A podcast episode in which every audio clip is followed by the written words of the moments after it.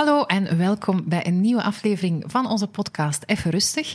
Vandaag verwelkom ik samen met mijn co-host Fien Omar Souini. Hi, goedemiddag. Hallo. Omar, goh, ene helft van het advocatenduo samen met zijn broer, maar ondertussen ook in de media een en ander aan het, uh, van alles aan het doen. Wat ik heel belangrijk vind, man van Charlotte, papa van Celeste, Emeric en Romee. En voilà, ongetwijfeld weer een boeiend verhaal. Kijk er naar uit.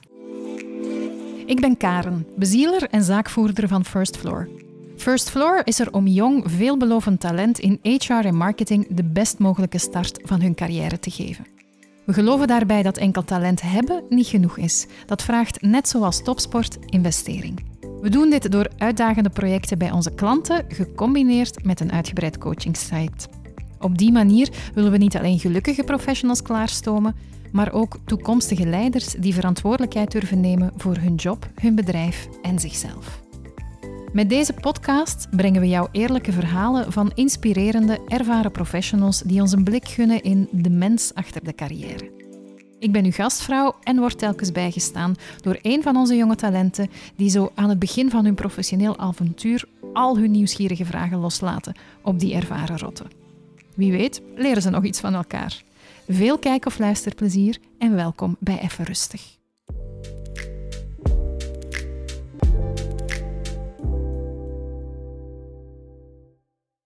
Welkom.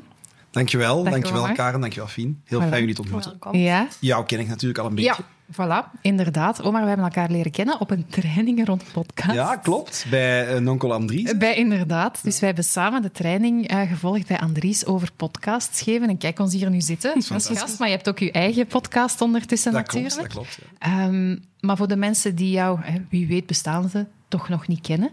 Wie is Omar? Die bestaan zeker, denk ik. Hè. Eh, ik ben een, eh, een vrolijke Frans van 37 jaar. Eh, vader van drie kinderen, zoals je al in de intro hebt vermeld. Ik ben al bijna 15 jaar in een mooie liefdesrelatie met Charlotte. Die ik heb leren kennen in de studierechten. Ehm, en daarnaast ben ik iemand die graag werkt, die hard werkt, die veel werkt, die Ja. veel dingen interessant vindt en ook- ook veel dingen doet.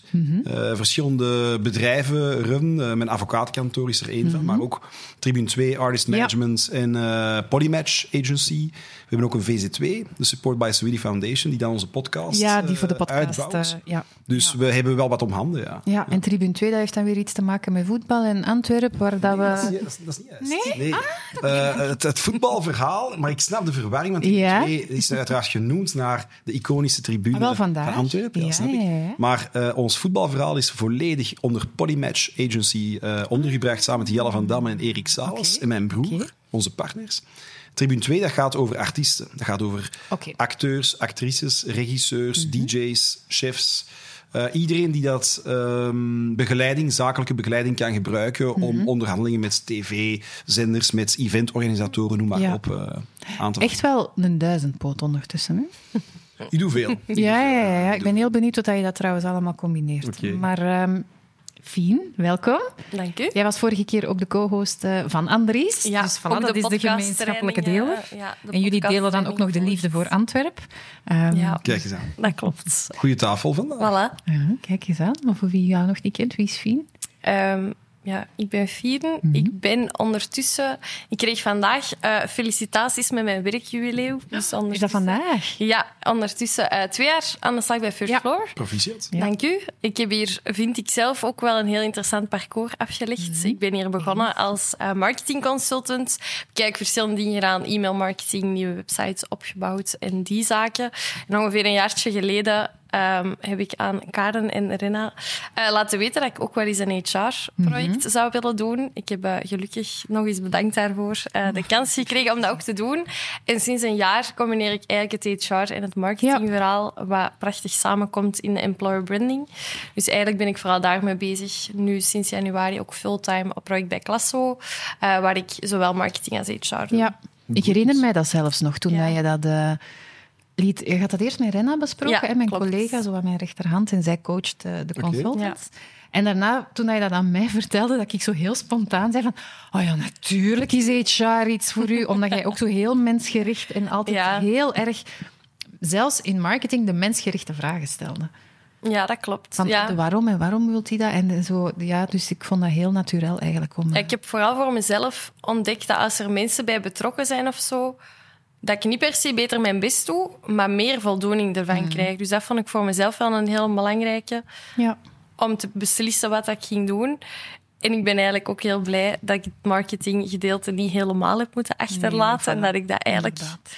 lekker heb kunnen meenemen Dus, met mezelf. Dus, eh, Mensen, verhalen. Voilà, dan zit jij hier helemaal op je plek. Want, Ja, voilà. eh, Boeiend vak, boeiend vak. dank u. Ja, dank u. Ik vind het zelf ook. Dus eh, maar we gaan eens luisteren. We zijn hier voor uw verhaal. Is dat zo? Ah, oké. Met Ja. veel plezier. Met veel plezier. Dus voilà, Omar, nog eens welkom. Hè? Dank u. Ehm, ik begin altijd met de vraag... We zijn hier eigenlijk om, om samen eens te luisteren naar, naar uw verhaal, professioneel. en, maar dat loopt altijd wel door elkaar met ook eh, andere Bij zaken. mij zeker. Ehm, waar, als jij nu terugkijkt op, op jouw professionele loopbaan of verhaal, waar is het voor u eigenlijk begonnen? Want dat startpunt is voor iedereen anders. Eh, mijn professioneel verhaal begint op de eerste dag van mijn eerste job, denk ik. En dat was... eh, moeten we terug naar 1 juli 2001 alweer? Was ik... eh, grappig, de datum. En, ja, leuk. ja, Gedetailleerde het datum. was, het was de eerste dag van mijn eerste studentenjob.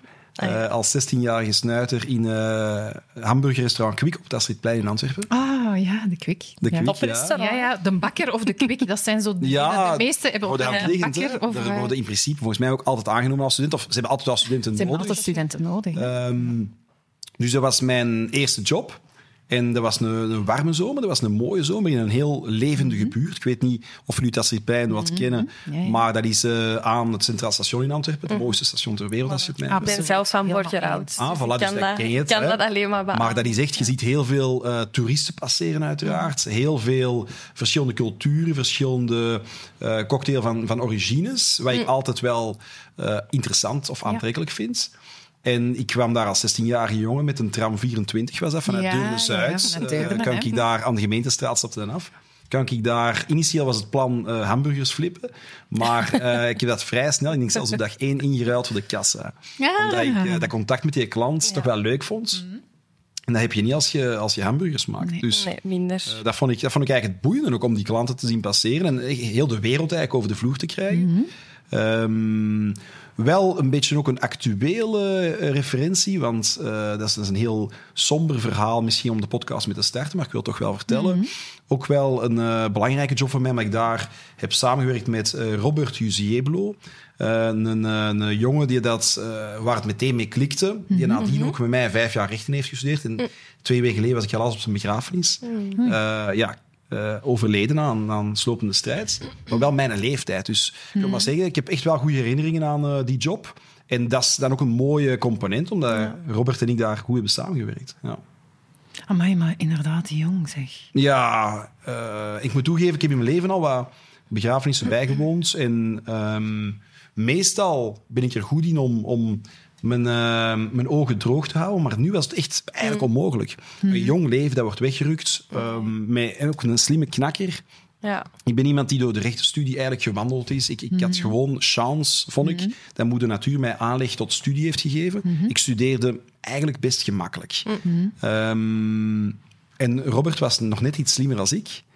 Eh, had net al, als ik een 16 had, had hij een 18. Als ik een 17 had, had hij een 19. Dus er was zo wel wat gezonde rivaliteit. Nee, helemaal niet. Want nee, want, want ik, ik, was, ik was eigenlijk kei blij. Ik vond dat ook een motivatie. Ehm, om toch te proberen ook, ook een keer eenzelfde cijfer als hem te hebben. Dat lukte mij denk ik quasi nooit. Maar ik vond dat ook net gezond. En rivaliteit vind ik zeker niet het woord dat ik erop zou kleven. Meer- competitiviteit. ja, maar ik, ik, het was meer een beetje geinige, geinige in-between of zo. En, ja. en wij, wij lachten ook altijd. Wij, wij hebben echt prachtige momenten gehad samen. Ja, dus dat was, ehm, dat was mooi. Alleen is het leven heel oneerlijk op dat vlak. Dus Ja. ehm, Helaas. dat is wat ons allemaal overkomt, denk ik. Iedereen maakt in zijn leven eh, helaas dergelijke situaties mee waarin je afscheid moet nemen van mensen die in je hart zitten. En dat is, ehm, dat is bij mij niet anders. Voilà. Maar toch fijn dat we dan ook in deze podcast Ah, wel, mooie toch. herinneringen En van is een- een vermelding. En, en ik Ze vind, zei, ja, Iemand eren doe je door iemand levend te houden. Hè? Zeker waar, dat is mooi gezegd. Ja, ja. ja. absoluut. Zeg, hoe, hoe ben je van de kwik in de rechtenstudie beland? Ja, ik moet, ja pas op. Ik, ik, uh... Het is niet ver van elkaar, dat in ieder Nee, geval. Letterlijk niet ver. Nee, in vogelvlucht is dat echt eh, heel dicht bij elkaar gelegen. Nee, ik ben altijd wel een werker geweest, want ik heb ook in mijn studententijd zoveel jobs gedaan. Vaak ook zelfs tijdens examenperiodes in de rechten. Eh, en ik heb, ik heb heel veel jobs gedaan. Hè. Ik heb eh, in de Kwik gewerkt, ik heb in UGC Cinemas gewerkt. Ah, Eh, ja. Dat is om de hoek van eh, de, De. Gaumont De Gaumont, ja, exact. Toen noemde dat nog Ja, de Gaumont. werkte net UGC. Ah ja, bij mij was nog de, Eh, toen ik studeerde, het was nog begonnen de Gaumont, klopt. Ja, ja, ja. Ik heb in eh, Kinepolis Antwerpen gewerkt, dat heette toen nog Metropolis. Ja, ja. Ehm, ik heb, ik heb retouches van kledingzaken eh, opgehaald en teruggebracht. Ik heb ehm, in ehm, Opel Belgium, General Motors, Mhm. als industrieel poetser gewerkt. Dat was in, in buizen kruipen. Dat was eh, vaak ook heel gevaarlijk werk achteraf bekeken. On, onbegrijpelijk dat ze aan studenten gaven, maar dat is toch wel gebeurd. Ehm, ik heb, ik ben magazinier geweest bij Henkel. Ik heb, eh, ik heb duizend en één jobs gedaan. Maar dat is toch fantastisch? Ja, dat is tuurlijk. leuk. Ja, als, ik vind wel, als je studeert, dan moet je zeker hoort niet te hoeven. Nee. Het is belangrijk, denk ik, ook om te ontdekken hoe het leven in elkaar zit. Absoluut. En om te weten hoe hard, hoe fysiek hard Hmm. eh, mensen soms moeten werken voor, met alle respect, niet heel veel geld. Hmm. En ik vind dat de ideale leerschool, ook om, om als student in de rechten de motivatie on point te houden, om te zeggen van kijk, ehm, ik, ik wil graag iets anders doen. Ja. Ehm, dat zijn allemaal heel nobele jobs, want ik vind elke job nobel. Mijn mama was poetsvrouw, mijn papa was tolk. Ehm, elke job is in de keten cruciaal. Er is geen enkel job onbelangrijk, zolang het legale jobs zijn, uiteraard.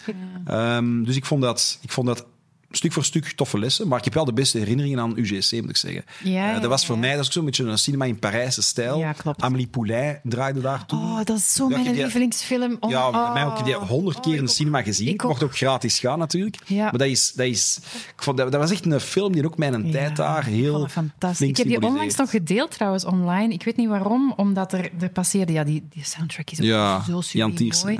ja. Ja, ja, ja, ja, herkenbaar. En de Gaumont toen, met die sterrenhemel. Hè. Dat Klopt, ja, nog altijd. Die is er Ja, nog altijd. Ja, want de Gaumont, dat zegt me alleen. Ja, nu is dat maar Ja, niet, nu is maar dat helemaal wel. Die ken ik. Dus dat is gebleven. Ja. En inderdaad, zo die studentenjobs, ik heb dat ook altijd gedaan. Hè. Ik, heb, ik heb heel wat zomers gaan schoonmaken in de haven. Ah, voilà. Ja. En ik heb mij daar eigenlijk... Dat was keihard werken. Ik was altijd stik kapot. Zoveel respect voor mensen die in shiften werken. Ja, ja, Ehm, zeker wel. Maar ik heb mij daar wel ook echt rot geamuseerd.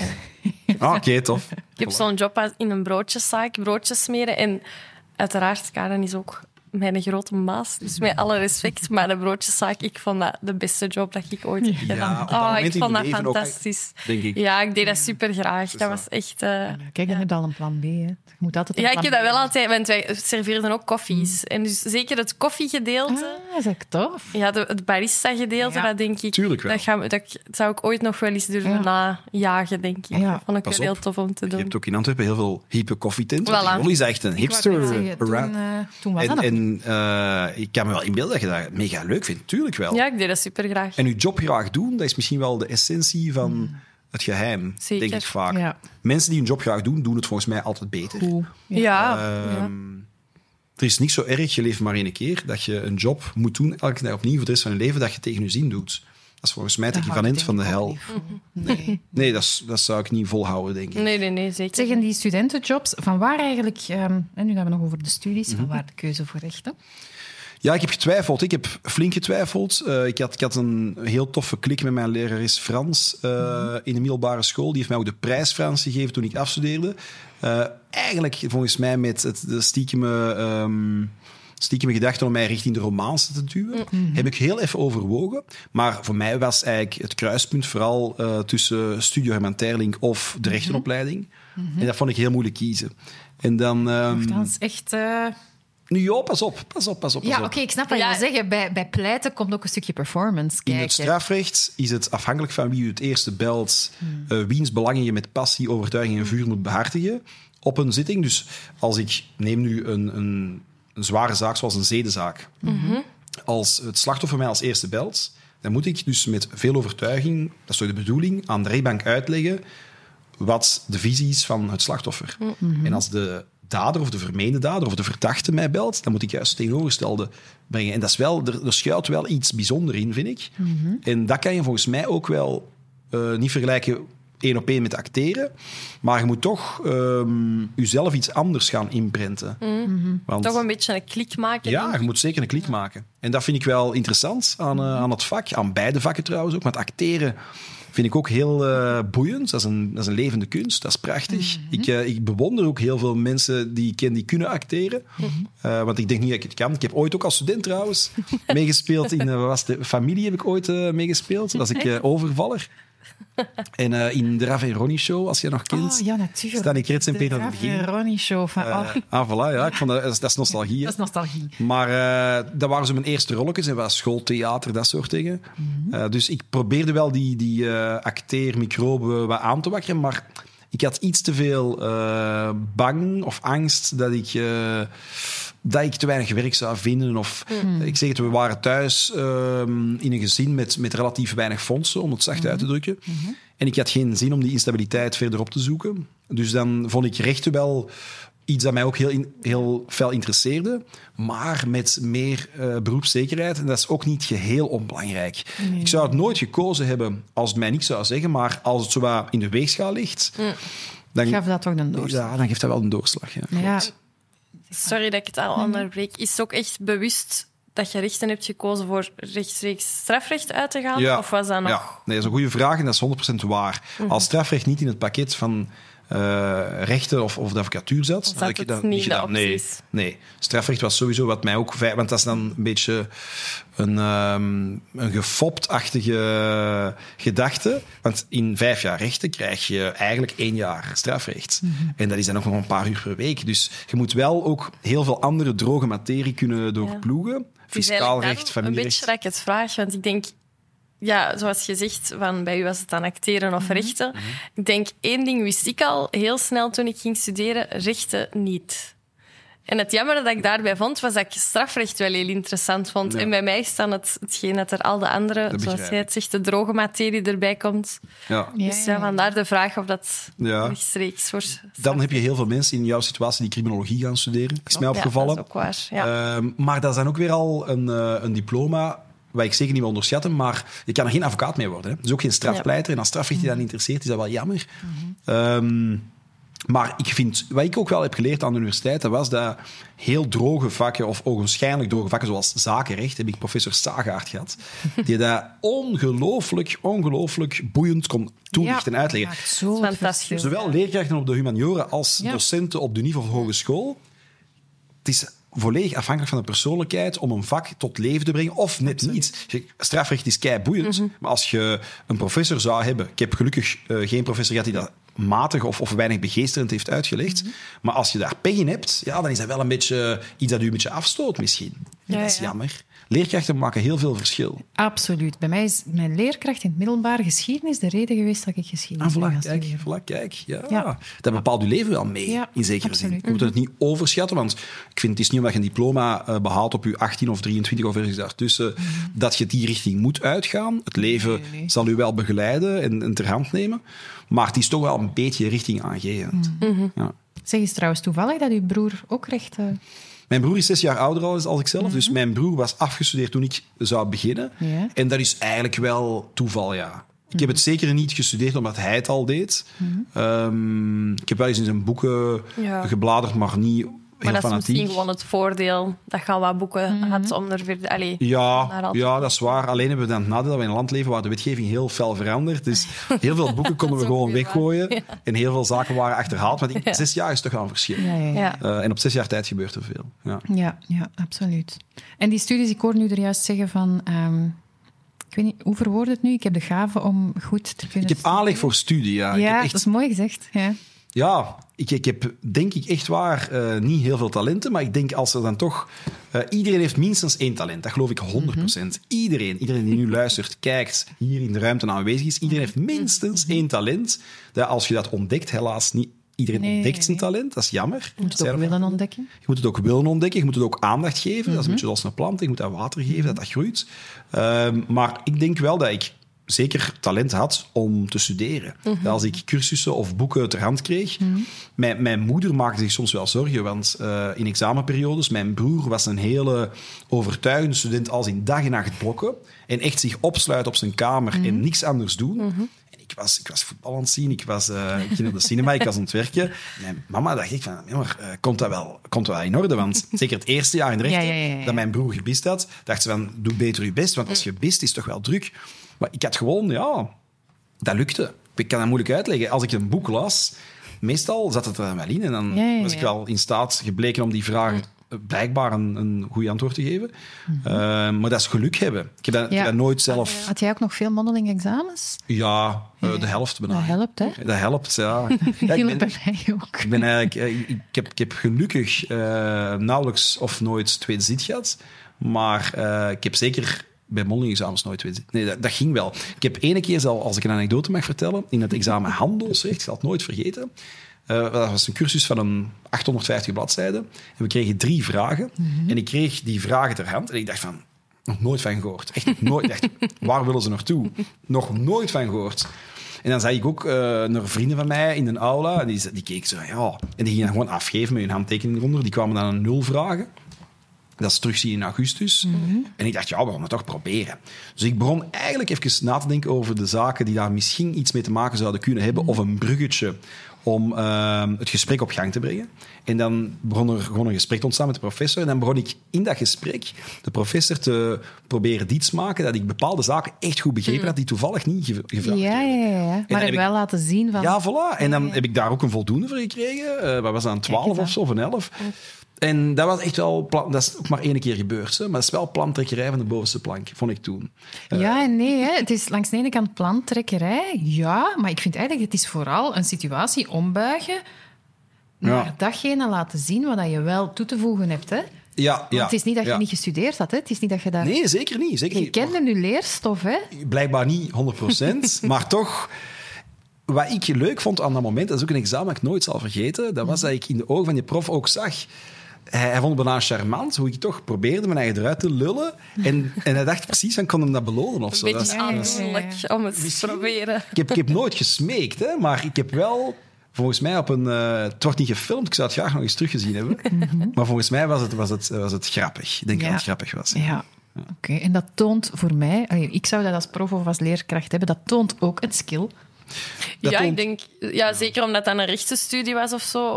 Allee, als je dan ziet naar wat het ooit zou moeten worden of waar dat je naartoe gaat tijdens je studies, denk ik dat je het daar toch ook wel al op een originele manier wel laat zien. Ja, dat is natuurlijk dat je op die manier wel uit je woorden kunt komen en overal eens een draai aan kunt geven. toont dat je ook de leerstof voor de rest... Dat is waar. Ja, ja. Dat is waar. Dat is waar. Als je dan zonder dat je nek had zitten lullen, nee. We waren niet over de voetbal of twee. Dat is waar. Dat is waar. Nee, nee. nee, dat gaat ook niet. Dan zou er nooit door zijn. Nee, nee, dat klopt. Dat is een goede opmerking of een goede nuance. Uh, want als je daar op 100 vakken probeert, gaat dat geen tien keer lukken. Nee, nee. Je moet wel zien dat je voor het leven heel de examens in de stof echt goed beheerst. dat is waar. maar, en misschien gaan er nu heel wat studenten vloeken op mij, ik vind persoonlijk wel echt dat de rechtenstudie een beetje overschat wordt. Ik vind niet dat dat de aller... Um, er, er zijn toch studierichtingen volgens mij waar je veel harder moet werken om je diploma te behalen. Denk ik. Ik kan niet zomaar vergelijken, maar ik zeg dat toch in mijn omgeving. Dat ik dacht van, potverdorie. Um, ik, ik, denk niet dat je moet geloven dat het rechtendiploma onhaalbaar is. Ik denk, als er nu studenten zouden kijken die rechten studeren, als je nu zelf gelooft, dat is al 50% van de job. Echt wel. En de rest is werken. Het is inderdaad wel een naam die aan de studierechten hangt. Dat dat echt de, de grote blok en het moeilijke... Maar ik ken ook... Allee, twee van mijn beste vriendinnen zijn... Ja, nee, zeg, nee, maar. zeg maar. Ik was, heeft het ook niet een beetje... Nu ga ik misschien wat mensen boos maken. nog wat een elitair kantje? Ja, iets te veel naar mijn goesting. Iets te veel naar mijn goesting wel soms. Ik vind dat hij op niets slaat, want dat is compleet dwaas. Uh, Maar dat is misschien wel deels waar nog. Uh, ja, er gaan nu sowieso confraters heel boos zijn op me, maar dat zijn ze sowieso al. Ik vind ook, als je ziet, met alle respect, wie het er allemaal afstudeert of, of welke mensen um, als advocaat actief zijn, dat je ook gewoon ziet dat dat niet het moeilijkste kan zijn, met alle respect. Mm. Um, dus wat, dat gezegd zijn. Ook weer daar, en ik vind dat dat voor alle diploma's geldt, oké, het heeft absoluut een waarde om een diploma te halen. Het laat mm. zien dat je een potentieel hebt, of op zijn minst dat je tot iets in staat bent. Maar het begint erna pas, hè? Wat je 100 procent, ja, sorry. Um, en zeker in de recht en de advocatuur. Je hebt uh, law by the books en mm. je hebt de praktijk. Mm. En als er nu één richting is waar het echt niet overlapt, dan is het volgens mij de advocatuur en de rechten. Ehm, vergeet alles wat je hebt geleerd als je studeert. Ik meen het. Vooral uw plan trekken. Heuristiek, dat is een belangrijk vak. Ja, dat, is een, dat is ja. een vak waar je effectief moet kunnen eh, de methodiek... ehm, Maar nu is een historicus in mij heel Ah, tevreden. voilà, ja, nee, maar heuri- dat is eigenlijk, in de rechten vind ik persoonlijk het belangrijkste vak, heuristiek. Want de rest leert je along the road in je praktijk. Ehm, maar dat kun je niet zomaar leren zonder de studierechten te hebben doorploegd, dat is waar. Ja. Nee, maar ik denk voor heel veel diploma's geldt... Oké, je hebt nu een basis, je hebt leren denken, je hebt leren redeneren, je hebt leren kritisch zijn. Maar wat dat je daarmee doet, daarmee maakt het verschil. En dat begint pas in de praktijk. Wat je nu aanraakt, vind ik cruciaal. Leren kritisch zijn. Dat is zo belangrijk. De succesvolle mensen die ik ken, zijn allemaal één voor één zeer kritisch. Zelf kritisch, maar ook kritisch over Ja. de methodiek, over wat ze gaan doen, hoe ze het gaan doen, over hun co- conculega's of collega's of concurrenten. Ja, dan moet je wel blij, jezelf in vraag blijven stellen. Eh, eh, uzelf, belangrijk. uzelf relativeren, ook superbelangrijk. Eh Harry Turksiener, dat is een eh, man die vroeger als advocaat aan de Antwerpse Balie was ingeschreven, ook in New York trouwens. Die zei ooit, een man of een vrouw die zichzelf te ernstig neemt, is het meestal niet. En dat is echt waar. Ja. Ik, vind, ik, ik hou ook van zelfspot zelfs. Eh, ik vind dat superbelangrijk. Je moet met je eigen keihard kunnen lachen.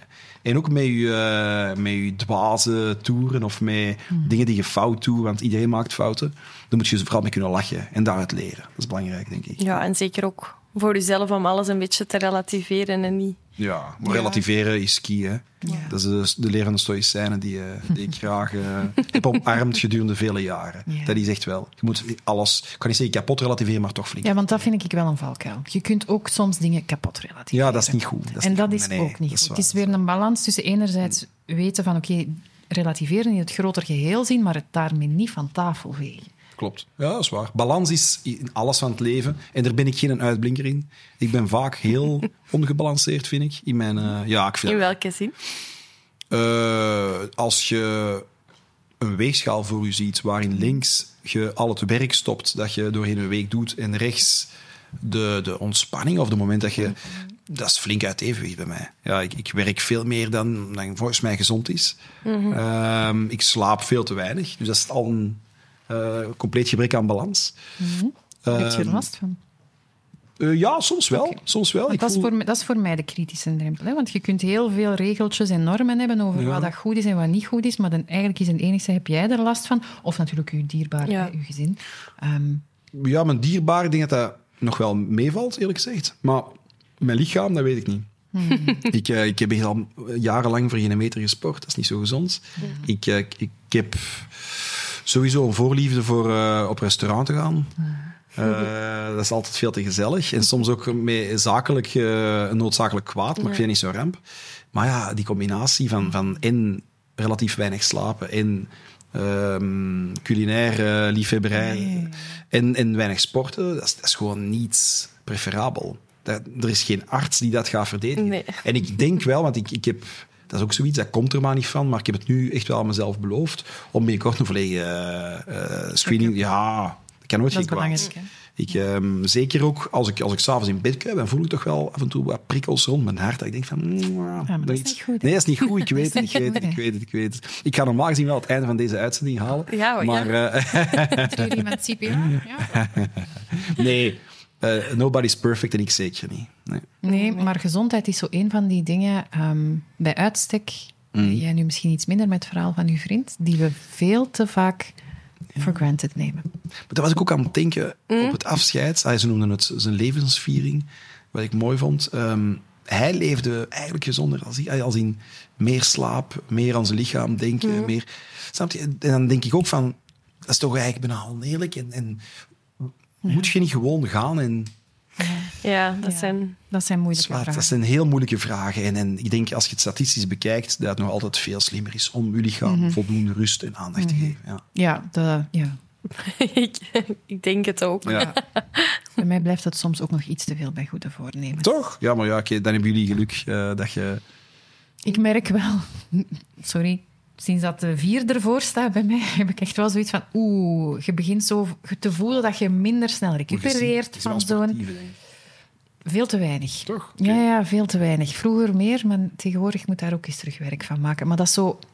omdat ik, ik sta daar ook opportunistisch in. Ik sport omdat ik weet dat het belangrijk is. Maar ik sport niet omdat ik het leuk vind. Nee. Dus dan is dat het, als het in moeilijke of hectische periodes is, is dat ook het eerste dat geschrapt Ja. wordt. Ja. En eigenlijk is dat niet goed. Ik heb het grote probleem met ehm, sport zonder dat je een doelpunt kunt maken of kunt scoren. Met voetbal, ik heb, ik heb van mijn 6 tot mijn 21 gevoetbald, vond ik het zalig. Tennis vind ik kei leuk, maar dat is wel een spelelement, winnen, scoren. Maar ik heb ook jarenlang fitnessabonnementen gehad, waar je dan met mijn halters aan het zwieren bent. Pff, en ik ben iemand die graag snel vooruitgang wil zien, ook in mijn job. Ik wil dat het vooruit gaat. Ik wil resultaten, ik wil progressiemarge zien. En in de fitness, in een gym, je wordt dan eh, gedurende vijf weken vier keer, maar je ziet niet direct eh, iets veranderen. En dan denk je van, ja, ik ben op dat vlak iemand die eh, matig getalenteerd is voor pleasure delaying. Ik wil wel zo meteen... onmiddellijk resultaat. Ja, dat is eigenlijk ook een, een belachelijke eigenschap, want eh, je, moet, je moet geduldig zijn in het leven. En geduld is vaak ook heel aantrekkelijk. Maar dat kon ik niet wat fitness of gymming betreft. En dan zitten maar eh, mensen te sponsoren en dat is, dat is goed voor hen. Maar ja, mijn boekhouder klaagt dan en dan, ja, dan krijg je situaties. En dat is eigenlijk grappig dat je dat zegt. Ik denk dat ik een beetje daarbij aanleun. Maar ik was me er zelf eigenlijk nog niet zo van bewust. Bij mij is het een beetje soms, zeker sporten, zo wat alles of niks. En ik zou dan ineens de 10 miles willen lopen, maar alles ervoor niet. Ja. Dus ja, dat Ja, gaat moeilijk ja, nee, gaan. Dat, dat snap ik. Dat snap Maar dat was lastig, denk ik. zegt, Ja. hij wil het Opbouwen, direct hè. kunnen afvinken. En ik zou daarin ook wel wat geduldiger kunnen zijn. En één kilometer zou voor sommige weken al genoeg zijn. Dus, eh, Het is wel confronterend hè, Ja. als je over lopen begint. Want in middelbaar was er een loopwedstrijd van de provincie Antwerpen die ik toen nog gewonnen had. Terwijl mijn klasgenoot, die het tweede was, echt, die is nadien ook in de atletiek echt groot geworden. Maar ik had gewoon een hele goede dag en hij een heel slechte. Maar toen ging dat wel. En dan zo, als ik een paar jaar eh, gestopt was met sporten, ging ik nog eens lopen. En dan, dat is kei confronterend. De conditie was zo snel achteruit Ja. dat je dat niet onderhoudt. Oh nee, ik wil daar nu even niet aan denken, want ik denk de eerstvolle... En dat, dat weerhoudt mij dan om terug te beginnen. Omdat je weet, die eerste keer dat je terug gaat sporten, dat gaat zo pijnlijk zijn. Ja, dat moet door. Hè. Ja, dat moet inderdaad... Ik, ik ben ook soms, want ik ben eigenlijk wel af en toe een bange kwezel. Want dan, dan lees ik in die berichten van de krant, je zoekt het op, ook op hè, van iemand die gaat sporten en dan overlijdt, hè, wegens een hartaderbreuk. En dan denk ik van, ja, ik ga dat risico niet nemen. Maar ja, ze blijft dan natuurlijk nee, dat bezig. is Nee, ja, wijsmaken, dat is eigen Ja, ja, wijsmaken. ja, maar Dat is zelfs een beetje een excuus, denk ik. dat is 100% een excuus. Nee, nee. Een excuus winnen geen kampioenschap, maar Nee. dan moet ik dat kampioenschap maar niet winnen. Nee. Maar nee, een beetje, je moet toch gezonder gaan Ja. eh, leven. Ja, zeker. Zeg, dus de studies. Ja, Dat ja, ging vlotjes. Dat viel goed mee. Ondertussen hoor ik zeggen, hè, gevoetbald. Ja. Heel veel studentenjobs. Dus eigenlijk toen al wel Ja. een bezig bijtje. Klopt. Dus het combineren van van alles zat er toen al in. Ja, zeker. Ehm, afgestudeerd en toen? Eh, en dan ja, had mijn broer natuurlijk al een paar jaar eh, als advocaat gewerkt bij Joris Verkraai. Dat is een man die voornamelijk bekend is geworden door de zaak Dutroux. Hij kwam voor eh, de nabestaanden van Eefje. Ehm, en hij zei van, kijk, jouw broer heeft heel goed gewerkt voor mij de voorbije jaar, dus ik wil jou ook graag de kans geven. Dus dat was gewoon een gelukje wel. Eh, mijn broer, ik weet nog, die heeft ontelbaar veel sollicitaties verricht toen hij afstudeerde. En niemand gaf hem de kans, tot op de laatste dag dat het nog kon, voordat... eh, voor dat jaar, gerechtelijk jaar. En dan kreeg hij de kans van Joris Verkraaien. Was hij super gelukkig. Ik weet nog waar ik was toen hij me belde. Is dat gangbaar, dat je zoveel moet solliciteren voordat je ergens kan starten? Oh ja, ik denk dat het nu nog moeilijker geworden is. Want ze hebben, toen werkte mijn broer ehm, voor 495 euro bruto per maand. Als eerstejaars stagiair. Dat was de verloning van eerstejaars stagiair. Ik moet er wel bij zeggen, in 2003 was dat. Ja. Even geleden. Ehm, nu is dat opgetrokken tot een paar duizend euro. Het is flink opgetrokken en elk jaar opnieuw wordt het weer eh, verhoogd. Waardoor heel veel stagemeesters zeggen van kijk, ik ga geen stagiair aannemen, want ik moet die nog opleiden. Je bent ze maandenlang kwijt aan, aan balie-examens, want pas op, als je advocaat wilt worden, dan moet je na je studierechten, een diploma volstaat niet, moet je nog eens advocaat-examens eh, afleggen met vrucht en succes. Eh, dus als stagemeester kan je niet op rekenen, maar ze maanden weg zijn voor die lessen, voor die examens. moet ze ondertussen wel en je moet ze wel betalen. Dus dat is een relatief... Maar, maar Vreemd systeem. ja, ik heb gewoon het gevoel dat ze eh, van bovenaf vinden dat er te veel advocaten zijn en dat ze daar willen afromen en dat ze op die manier dat eigenlijk aan het kneden of creëren zijn. Ik vind dat jammer, want Ja. eh, het wordt wel, we merken dat ook als wij advocaten aannemen en we organiseren sollicitatierondes, daar komen heel erg veel mensen op af, maar je hebt maar een paar plaatsen. En je moet vaak, vind ik, van echt scherpe, getalenteerde jonge mensen met pijn in het hart zeggen van kijk, we gaan u niet afnemen, want de concurrentie is te scherp, maar dat is, dat is niet correct eigenlijk. Er, er is gewoon te weinig plaats nu. En, en dat is volgens mij zeker een gevolg van het feit dat je als stagemeester verplicht wordt om, om zo'n eerstejaars stagiair veel meer te betalen dan bijvoorbeeld mijn broer of bij mij in een tijd. Ja. Je daar eigenlijk ooit... Want je zegt dan dat je mee bij het kantoor... Er was een kantoor, denk ik ook, hè? Bij Joris Verkraaien? Ja. Ja, dat was een, eh, een all-round kantoor. Ehm, Joris Verkraaien was, zoals men dat noemt in advocatentermen, een generalist. Dus ja. als je een echtscheiding hebt, of je hebt een strafzaak, of je hebt een huurdossier of een vennootschapsrechtelijke kwestie, je kan daarbij terecht. En hij werkte dan binnen zijn kantoor met departementen. Dus Ja, ja. je had twee advocaten die aan de strafcel werken, twee aan eh, de burgerlijke cel, dat soort dingen. Ah ja. En ik had daar wel het geluk om met mijn broer te mogen samenwerken, want dat, dat was wel iets dat mij aantrok. Ja, Het wou beantwoordt, ja, het beantwoordt Ja. een beetje mijn vraag, omdat ik ging vragen of je er ooit over getwijfeld had om dan ook bij je broer Nee. aan Ik moet slag toegeven, wij zijn echt wel eh, een, een eenheid bijna, al, al heel ons leven. Wij gingen als kind samen voetballen. Wij gingen als tieners samen feesten en dansen. Ehm, wij hebben enkel een, een korte periode gehad dat we elkaar minder zagen. Dat was toen hij de eerste jaar als advocaat werkte. Ik studeerde, want studentenleven... Ja, ja, dat is een ik, vloog er ook wel graag in. Ja. Ik heb dan ook een jaartje in Praag gewoond. Dan hadden we natuurlijk ook een beetje minder contact. Dus zeker na dat jaar Praag, dat in mijn laatste jaar recht eh, zich situeerde, was het wel een eh, heel aanlokkelijke gedachte om, om met mijn broer terug te gaan samenwerken. En van hem te leren, want hij had natuurlijk een paar jaar voorsprong in de advocatuur van het strafrecht. Sorry. En, en aangezien het eh, op school en in de praktijk heel verschillend is, was dat gewoon ook een voordeel. Eh, het nadeel dat daaraan verbonden was, was dat mijn broer echt wel de eerste jaren bijzonder opvallend goed gewerkt had. Ook in de, aan de balie ging dat rond. Er waren oudere strafpleiters die aan hem adviezen kwamen vragen. Hij had ook wel wat lef in de rechtszaal. Nu nog, maar toen was dat opvallender als, jong, als jonge gast. En de verwachtingen waren groot, want iedereen zei van ja, we gaan eens een keer kijken wat, wat eh, zijn jonger broertje eh, ervan bakt. En ik voelde, ik zeg je, niet een Jordi Cruijff-complex, als je dat kent. Jordi Cruijff, dat was de zoon van Johan Cruijff. Johan Cruijff was een van de beste Hollandse voetballers, of Nederlandse voetballers, moet ik zeggen, Die aller ken ik nog tijden. juist. Ja, voilà.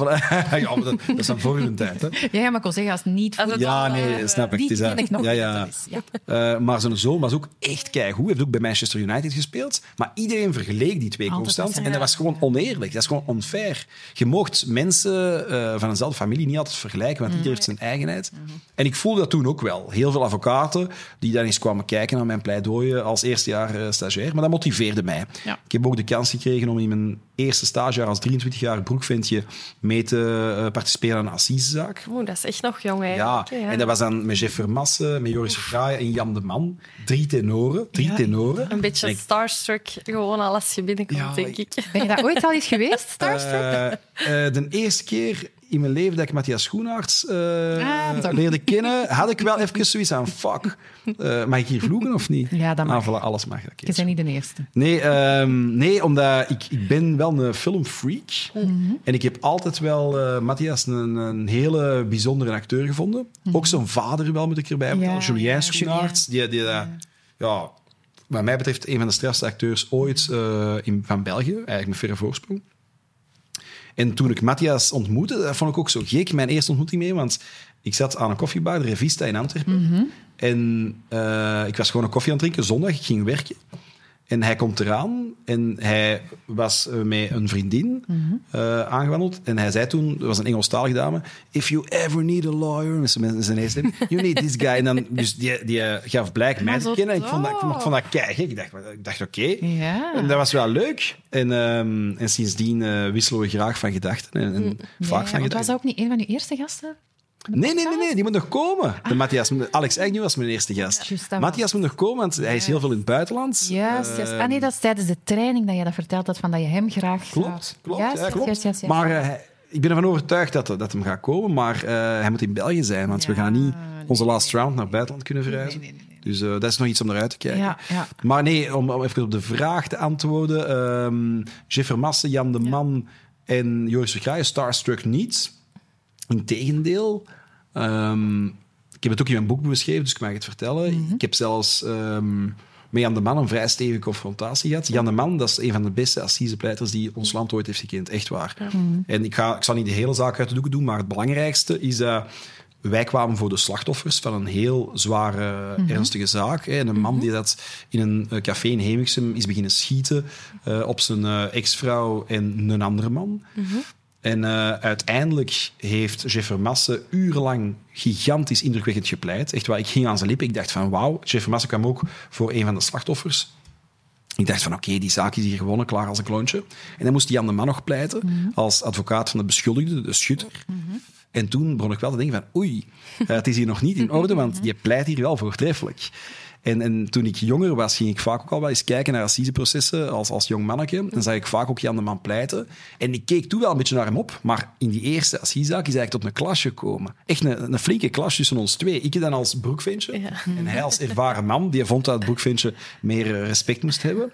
En hij had er misschien wel deels gelijk in, maar goed. Ehm, Ja, want dat vragen. Was het een clash puur op inhoud van de tegengestelde partijen? Of was het een clash tussen jullie als, als personen, twee pleiters? Eh, ja, wat is er toen gebeurd? Eh, ik, ik, was, ik ben... Ik heb het een beetje geleerd, maar ik ben vaak een slechte verliezer geweest. Ook met voetbal vroeger. Ik kon echt niet tegen mijn verlies. Ik vond dat verschrikkelijk.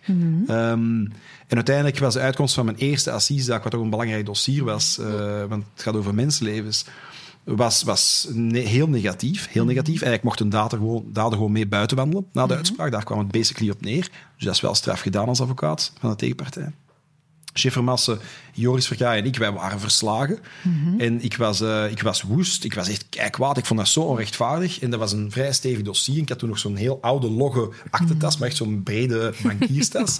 en ik weet nog heel goed dat ik als 23-jarig manneke, ik hoorde die uitspraak van de jury. Ik dacht van, zijn die Hoe gek geworden? dit? Ja. Ik pak dat dossier, ik gooi dat ostentatief in die tas, maar echt mijn ongenoegen. En ik wa- was toen als, als een atleet aan het wachten op de magische woorden van de voorzitter, helaas ook al wijlen, eh, meneer Van den Eden, zeer charmant eh, vakman, die, die zei van, eh, dan, dan ga ik eh, de debatten schorsen en dan kunnen jullie vertrekken. En hij zei dat en ik stond recht, ik pakte mijn aktentas en ik, ik wou echt kwaad weglopen. Maar ik had niet gehoord dat Jan de Man nog een vraag had gesteld aan de voorzitter. Hij wou nog iets vragen over de daaropvolgende zittingsdag. En, en hij, roep, hij riep mij iets te ehm gênant tot de orde, vond ik. Hij, hij vernederde mij, zo heb ik het ook beschouwd, omdat ik het niet gehoord had en hij dacht dat ik hem disrespecteerde. En dan eh, heb ik daar ook wel een antwoord gegeven, omdat ik dat niet kan laten. En dan is het wel even tot vuurwerk gekomen. Maar ja, als ik dat van op afstand zou bekijken, en ik ben niet die jonge gast van 23, zou ik dat wel misschien charmant gevonden hebben, denk ik. Omdat dat, dat is gewoon zo o- onervaren eh, jeugdigheid tegenover eh, ervaren sluwheid. En dan krijg je zo'n situaties. Ja, en ook hetgene wat je zelf, denk ik, perfect benoemt. Hè? Ehm, de interpretatie, want hij interpreteerde het als Exact. disrespect. Klopt, ja, klopt. Terwijl het helemaal jouw intentie niet was. Nee, nee, op dat 100 moment. procent. Zeker. Nee, niet, en maar voordat je het weet, heb je daar vuurwerk Ja. tussen twee gepassioneerde, zeer verbaal niet. sterke... Verschil in leeftijd. Hè. Ja, ja, ja, maar ja, dat, eh, op zo'n moment vergeet je dat even. hè. Ja, ik, kan, ik ben dan niet iemand die terugdeinst of zo. En dat heb ik nooit gehad, zal ik ook hopelijk nooit hebben. Ik vind, je moet wel, als je gelooft in je zaak, moet je wel voor durven gaan. En dan moet je niet achteruit gaan. Nee. Ik heb altijd een groot probleem gehad met achteruit te gaan. Eh, Want die heeft je ook al ver gebracht. Verder weet ik niet. Het heeft mij ik sta op schema, denk ik. Het heeft mij gebracht waar ik voorlopig wil staan. Eh, maar of dat ver is, voor de ene zal dat misschien ver zijn, voor de andere is dat, is dat iets van niets of, of weinig interessant. Dat is heel persoonlijk. Ja, Wat ik doe, zullen andere mensen misschien niet willen doen. En, ipso facto. Maar je hebt wel een schema. Ik heb wel een schema, ja. Ik heb wel, ik heb wel een schema, ja. ja. Als, als het bij leven en welzijn allemaal mogelijk is, dan heb ik wel heel veel doelen. 100 procent. Ja, ja. Ik, ik weet wel wat ik wil. Oké, en wil je daar al iets over delen of hou je ze nog lekker voor jezelf? Ik wil hier alles delen. Ik heb geen geheimen. Ehm, ja, ik heb natuurlijk along the way eh, een aantal zaken uitgebouwd. Waarmee ik bedoel, we hebben ons advocatenkantoor gehad waar ik als stagiair actief was. Een stage duurt drie jaar. Dus na mijn stage eh, kunnen we dan in principe op eigen poten staan. Weinig advocaten doen dat, want je moet, dat is wel een risico. Je valt terug op jezelf. Ja. Je moet eh, zien dat je voldoende cliënteel overhoudt om de rekeningen te Ja, betalen. Na, nog maar drie jaar ervaring. Ja, dat klopt. is niet simpel, hè? Dat is niet simpel, nee. Nogmaals had ik wel het geluk dat mijn broer... Broer was Ja, natuurlijk... dus mijn broer was zes jaar ouder Ja, ik. Nog ja. altijd. Dat gaat nooit veranderen. maar ehm, we gingen het samen doen. Ja, En we openden de deur van ons kantoor. Dus dat Mhm. was 2011. En dat was voor u wel direct na de drie jaar. Ja, ja, ja. dus mijn broer is langer gebleven, Ja. klopt. Uh, en dat was voor mij in mijn carrière wel een heel belangrijk moment. Op je eigen benen staan. Ja. Omdat je dan echt alles leert. Hè. In het begin hadden we totaal geen uh, fondsen om een secretariaat te betalen. We hadden een klein kantoortje op de Britse lijn. Mm -hmm. uh, denk, hoeveel was het in totaal? Enfin, het was zo klein dat, dat het secretariaat, waar dan niemand zat, mm dat moesten we zelf doen, was tegelijkertijd de wachtzaal. En daar was het toiletje. Mm -hmm. Dan hadden we een ruimte waar mijn broer zijn kantoor was, de vergaderzaal en de keuken, in één ruimte. Ik denk, als we deze ruimte nemen, een vierde of zo. En dan hadden we nog een klein bureau waar mijn bureau dan was. Maar dat heeft toch ook iets charmant? Want hè, er zijn hier nogal ondernemers gepasseerd. En uh, bijvoorbeeld een Steve Rousseau was aan het vertellen met zijn tweede, hè, dus House of Talents. Ja, dat was ook terug from scratch. Mm. En dan zegt hij van ja, dan heb je daar eerst een bedrijf uitgebouwd en plotseling zit je daar terug met je kernteam in een kamertje van twee op twee met een gouden gids. Ja, ja, voilà, voilà. Maar dat heeft ook toch wel, wel iets om zo terug van bij het begin ja, ja zeker. Uh, ik zou die passage nog nooit hebben, nooit hebben willen overslaan, want mm we hebben nu een groter kantoor, een veel ruimer kantoor, maar ik kan daar ook veel meer van genieten door dat andere kantoor te hebben gekend. Ja. Plus, uh, je weet ook wat het is om, om alles zelf te moeten doen als advocaat. Ik ging als advocaat zelf mijn dossiers inkijken op de Griffie, zelf alles analyseren, de telefoons doen, de gevangenisbezoeken, de, de, het brood gaan halen middags, uh, noem het op. Alles. De, we hadden ook zelfs geen poetsfirma, dus zelf ook poetsen in het weekend. Mm -hmm. Um, maar ik vind dat the way to go. Ik ja. vind dat belangrijk. Het is volgens mij in gelijk welk vak dat je uh, passie of, of, mm -hmm. of uh, ambitie ligt.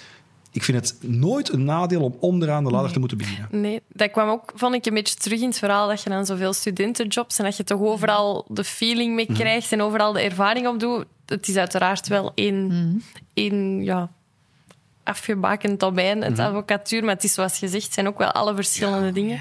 Daar zoveel... Om ze toch mee te nemen uh, waar dat je dan nu... Ja, zeker. Ook als strafpleiter heel veel verschillende karweitjes. En we hadden ook wel het geluk uh, de eerste jaren dat we uh, origineren uit een heel levendige wijk in Deurnes-Uit, aan het Arenaplein. Daar zijn we geboren en getogen. Waar we ook wel heel veel vrienden en kennissen hadden die ja. dat een andere richting uitgingen. Uh, het criminelere pad. En die vertrouwden ons wel. Dus ja. wij hadden daar het uh, gelukje dat wanneer we ons kantoor openden en de journalisten dat wel nieuwswaardig vonden, dus daarover mm -hmm. schreven, dat daar mm -hmm. rondging. En dat ook uh, dat aan de oren en ogen van onze voormalige jeugdvrienden belandde. En die belden ons op, dus dat waren onze eerste cliënten. Mm. Maar natuurlijk, daar kunnen niet een, een, bedrijf op stoelen of op bouwen. Je moet wel zien dat je... Maar dat geeft u wel de kans om jezelf te bewijzen ja, en dan ja. de mond-aan-mond reclame zijn ding te laten ja. doen. We hadden Totdat daar... je tractie krijgt. Hè? Ja, klopt. klopt.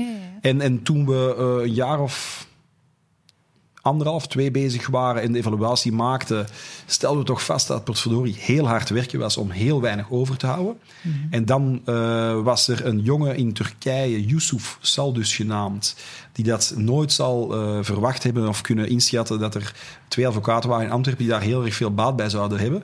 Maar die man heeft er uiteindelijk voor gezorgd dat er ook in België de Saldus bijstand uh, een wet werd. Dat wil zeggen dat iedereen die verhoord wordt door de politie recht heeft op bijstand van een advocaat. Ah, dat was ervoor niet het geval. Mm -hmm. Dan had je nog de fameuze verhalen van een telefoonboek, waar mm, agenten ja. mensen die verhoord worden onder druk zetten met een telefoonboek tegen het hoofd mm -hmm. om bepaalde verklaringen af te leggen. -hmm. Yusuf Saldus was in Turkije ook het slachtoffer geworden van verklaringen die werden afgedwongen. En daardoor is dat um, ook in België uiteindelijk geïntroduceerd, ja. waardoor je je als advocaat kon inschrijven op een, een Saldus wachtdienst. Mm -hmm. En dat was iets waar heel veel advocaten een beetje op neerkeken, blijkbaar. Want dat was s'nachts opstaan, soms om twee uur s'nachts, vier uur s'nachts, doorheen de week. Je moet om negen uur gaan pleiten niet evident, geen sinecure. Maar ik schreef mij daarop in en ik heb massaal gesal. Dus ik heb uh, de eerste twee jaar van mijn uh, carrière als, als uh, zelfstandig advocaat heb ik dag en nacht gewerkt. Ook echt s'nachts soms twee, drie keer uit je bed mm. om toch mensen te gaan bijstaan, om cliënteel op te bouwen, om heel veel mensen mm. uw naam te laten ontdekken. En dan merk je dat als je met resultaten naar huis komt, vonnissen die goed zijn of die onverwacht zijn, dat dat in die gevangenissen rondgaat en dan bellen mensen nu. En dan, uh, dan wilden ze ook als advocaat. Ja, klopt, zeker. Mm -hmm. En dat was het strafrecht. Alleen vond ik het strafrecht, dat, dat blijft binnen de advocatuur mijn passie. Maar ik merkte ook wel, ik, uh, ik ben um, bevriend met een zekere Pieter Loridon, ex-basketballer. Mm -hmm. En hij was um, op hetzelfde moment als toen ons kantoor opende, in het oog van de storm beland. Hij had eigenlijk een oorlog met, uh, met de boekjes, zoals ze dat noemen, de mm -hmm. boulevardpers, zoals ze zichzelf chic pretenderen. Mm -hmm. En ik heb hem toen geholpen, dat was een vriendendienst. Mhm. Maar ik ontdekte in die vriendendienst ook wel dat mediarecht mij interesseerde. Ja. Ja. Ik dacht, potverdorie, dat is ook een clash van grondrechten vaak. Vrijheid Ja, van meningsuiting en persvrijheid tegenover recht op privacy en gezinsleven. Klopt. En ik dacht, potverdorie, dat is mega boeiend. De mensenrechten, de grondrechten. En ehm, ik heb die zaak ook echt ter harte genomen. Ik heb, ik heb daar mijn uiterste best in gedaan. En dan merk je dat dan nadien kwam goede leakjes ook. En ik mag die namen noemen, omdat ze toch officieel op verschillende Ja, ja, de websites ook prijken dat we ze toen hebben geholpen. Eh, en voor je het weet begint dat mediarecht ook te bollen. Ja. En daar is dan uiteindelijk eh dat artiestenmanagement verhaal Ja. uitgegroeid. Omdat heel veel artiesten zeiden van ja, eh, wij zijn dankbaar dat je ons daarin helpt, maar kun ook niet gaan onderhandelen met tv's en dus kun ook niet dit, kun ook niet dat. Maar dat had eigenlijk met juridisch werk niet veel te maken. En dan hebben mijn broer en ik besloten om dat in een aparte vennootschap te gieten, om Ah, ja. ook dat te kunnen doen. Omdat ik dat ook heel leuk vind. En dat is zorgt eigenlijk spontaan op je weg gekomen is. spontaan. Ja. Net zoals eh, Polymatch Agency uit het sportrecht is gegroeid. Eh, Ja, je, je vindt je weg. Je ontwikkelt, je wordt ouder. Hoe ouder je wordt, hoe beter je weet wat je wel en niet Ja. leuk vindt. Want, want als, als twintiger is dat toch vaak Dat is moeilijk, moeilijk. denk ik. Oh, en dat is geen schande. Nee. Ik, ik, ken, ik ken veel mensen die dat eh, in hun twintiger jaren zitten, die dat bijna panikeren omdat ze niet weten wat ze willen doen. Terwijl dat eigenlijk onzin is. Dat is echt onzin, want die twintiger jaren is juist de ideale moment om te experimenteren en te, zien wat dat past en wat dat niet past. zodat Ja, je graag. Daarna voor jezelf conclusies kan trekken. Dank u. Jij nog een beetje? Nee, dankjewel. Zag u al direct naar mij kijken? Ja, nee, en dat bedoel ik niet maar- specifiek naar u, Fien, maar omdat ik dat klopt gewoon wel, klopt ik merk wel. bij heel veel van onze Ja. jonge mensen dat, dat daar zo'n angst zit van ik moet het nu allemaal weten en ik moet het nu allemaal kunnen. Ja. dat kan niet. Nee, dat vind ik ook wel fijn. Want eh, je zegt dan dat inderdaad dat sportrecht, dat mediarecht eigenlijk gewoon een beetje op het pad is gekomen. En dat is wel echt een geruststelling, denk ik. Allee, uiteraard zijn geruststelling, maar ook gewoon wat je het zelf nog niet weet. En ja, uiteraard vind ik het niet teleurstellend dat toevallig is gebeurd. Maar ergens denk je dan dat er altijd een doordacht verhaal moet achter zitten. Maar, maar toeval, is ook, wel- toeval moet je ook een beetje proberen af te dwingen. Als, ik, als ik niet hard gewerkt had in die advocatuur en het strafrecht, was het ook niet op mijn pad gekomen. Nee, nee. Dus door hard te timmeren en aandacht te schenken aan wat je in het nu hebt, Ja. Kan je ook wel uiteindelijk eh, sprongen maken of stappen zetten in de richting van de verfijning van jouw interesses. Ja. Die dat dan ook weer nieuwe werelden eh, doen opengaan. Maar ik moet er ook wel aan toevoegen, want er is wel een leeftijdsverschil uiteraard tussen ons twee.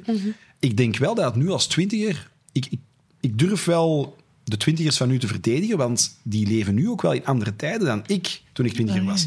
De, de druk van de sociale media mag je toch ook niet onderschatten. Als je Instagram opent of, of wat is het allemaal, dan zie je dat heel veel, ook jonge mensen, schijnbaar, zonder enige moeite, een eh Rockefeller bestaan leiden. Die gaan de mooiste reizen, altijd een glimlach op het Ik gezicht. denk dat het woord schijnbaar De leukste- hier heel De belangrijk is. leukste, ja, de leukste feestjes, dat is niet het leven. Nee.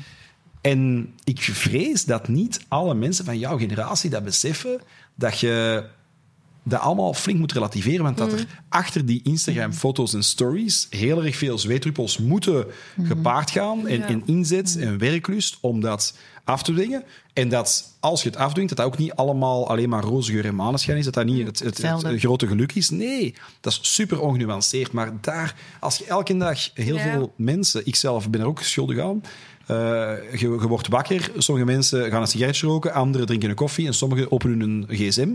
Maar als je er dan door scrolt, je ziet alleen maar eh ogenschijnlijk succes. Ja, En dan begint je eigen natuurlijk wel zorgen te maken van ja, ik ben ondertussen is, het, 25 jaar, 26 jaar. Eh, ik heb hier nog geen eh chique reizen, geen jacht onder mijn poep.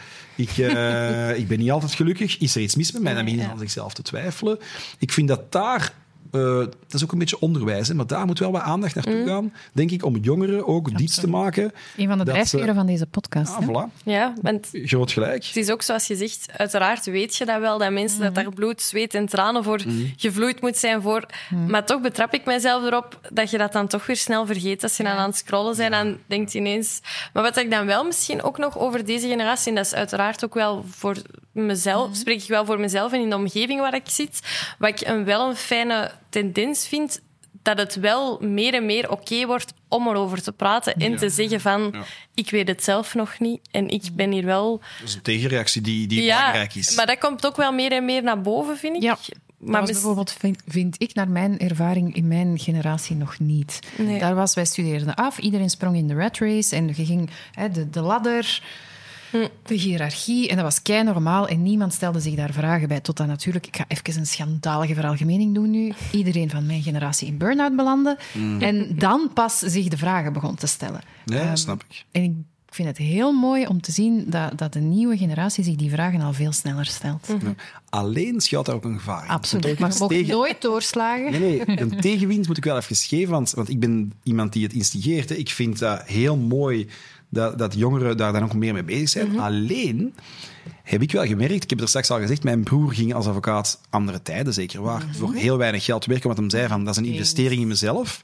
En nu eh, is, is niet zelden eh, bij de sollicitanten die ik over de vloer krijg, de eerste vraag van work-life balance. Niet erg, niet erg, want dat is allemaal belangrijk. Topic is hier al veel aan Maar, gekomen. maar ook, eh, ook krijg ik een auto, krijg ik dit, krijg Ja. ik dat.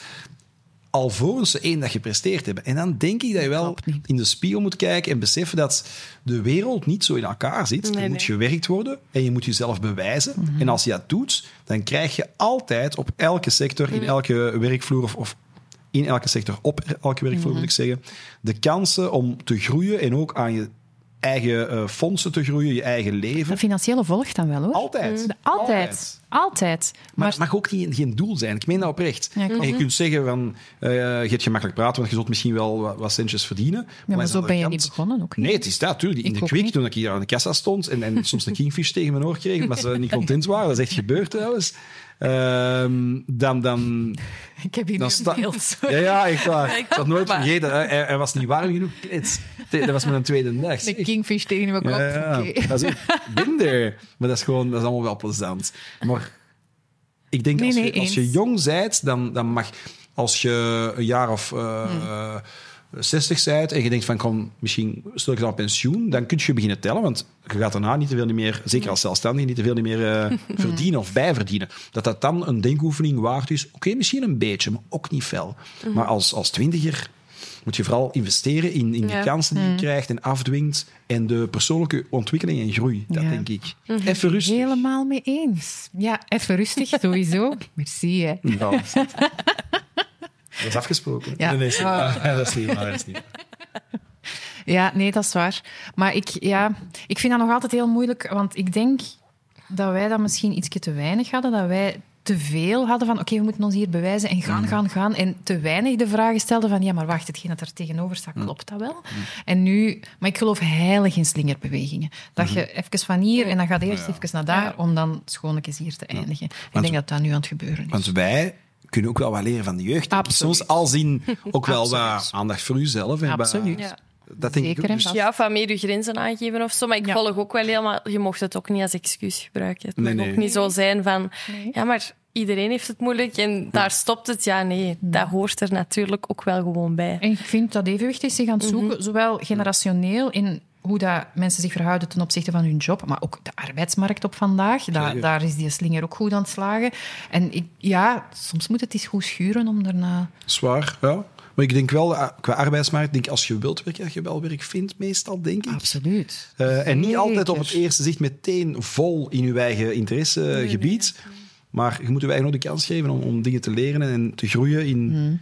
In sectoren en werelden, denk ik. Soms ontdek je pas echt wat je niet wil door eens iets te doen Zeker. dat tegenslaagt. Zeker. Ja. En Dat ik- ben ik vergeten. Sorry dat ik wil nee, zeg maar. Zeg maar. Nee, ik heb ook nog een paar jaar in een horeca gewerkt. Vond ik ook fantastisch. Tijdens de rechtenstudie in ik Bar ook. Italia op eh, het Antwerpse Zuid. Dat toen, dat bestaat helaas niet Nee, meer. nee, dat was toen echt een tof restaurant. Ja, met die kei tof. regisseurstoeltjes Ja, ja, ja, en ja, terras. Super tof. En ehm, daar ben ik dan ook doorgegroeid als verantwoordelijke. Dermate dat na mijn rechtenstudie de, eh, de eigenaar vroeg van ja, advocaat kunnen we altijd worden, dat diploma. Hè? Zou die hier misschien niet blijven, dan kunnen we... Hè? Ik kan maar En proberen. Ik wel, ja, maar pas op. Ik, ik was toen ook al aan het denken, maar een horeca, dat is ook wel een, een vak dat onder je huid kruipt. Als je dat eens gedaan hebt. Horeca en toerisme. En daar... Ja, dat voilà. Nee, maar klopt. Snap? Ik heb nooit in toerisme gewerkt, maar ik snap het wel. Twee. En, en ik heb in de horeca ook mensen leren kennen die nadien, along the road, in mijn carrière ook wel belangrijk bleken. Eh, want ik heb daar ook heel vaak opgediend voor rechters, voor advocaten, mensen die dan nadien een andere sfeer leren kennen. En dat is, dat is nooit verkeerd. Nee. Nee, het is ook wat dat je dan daarnet aanhaalde. Dat alle ervaringen die je opdoet, heb je ook wel gewoon nodig gehad. Zelfs al zijn het de mensen die bij u Ja. een pizza of een kingfish zijn komen eten, die heb je uiteraard heb je waarschijnlijk nog teruggezien in verdere carrière. Dus Maar ik heb er eigenlijk nooit zo over nagedacht en ook nooit verteld, omdat ik het zelf niet besefte. Maar nu ik erover nadenk, on the spot, geloof ik wel dat hoe ik uiteindelijk ehm, advocaat ben geworden en die carrière heb proberen te ontwikkelen, door s'nachts op te staan met die SL dus. Ik had s'nachts opstaan om te gaan werken geleerd in Opel Belgium, tijdens die nachtshiften als Ja, industrieel poetser. Eh, praten voor publiek, praten met mensen, die sociale vaardigheden heb ik geleerd als garçon in Bar Italia, door elke dag en, en elk uur met heel veel verschillende mensen te praten, grapjes te maken on the site, eh, in verschillende talen, communicatievaardigheden aan te scherpen, dat dat nadien echt wel van pas kwam als advocaat, als je de eerste keer voor een rechter staat en je ziet dat mensen die met u zijn afgestudeerd en die heel goed punten hadden op papier, dat die daar wel een beetje met bibberende handen en een pleitnota in handen stonden. En ik heb op dat vlak ook wel geluk, houd vast aan. Maar ja, ik heb, ik heb nooit echt eh, schrik gehad om voor een publiek te spreken. Of, of mijn moeder, of, of was het mijn tante, ik weet niet meer. Maar ze hebben mij ooit zelfs geld aangeboden om even met een teut te houden toen ik eh, een jaar of eh, zes, zeven was. Ik bleef maar praten.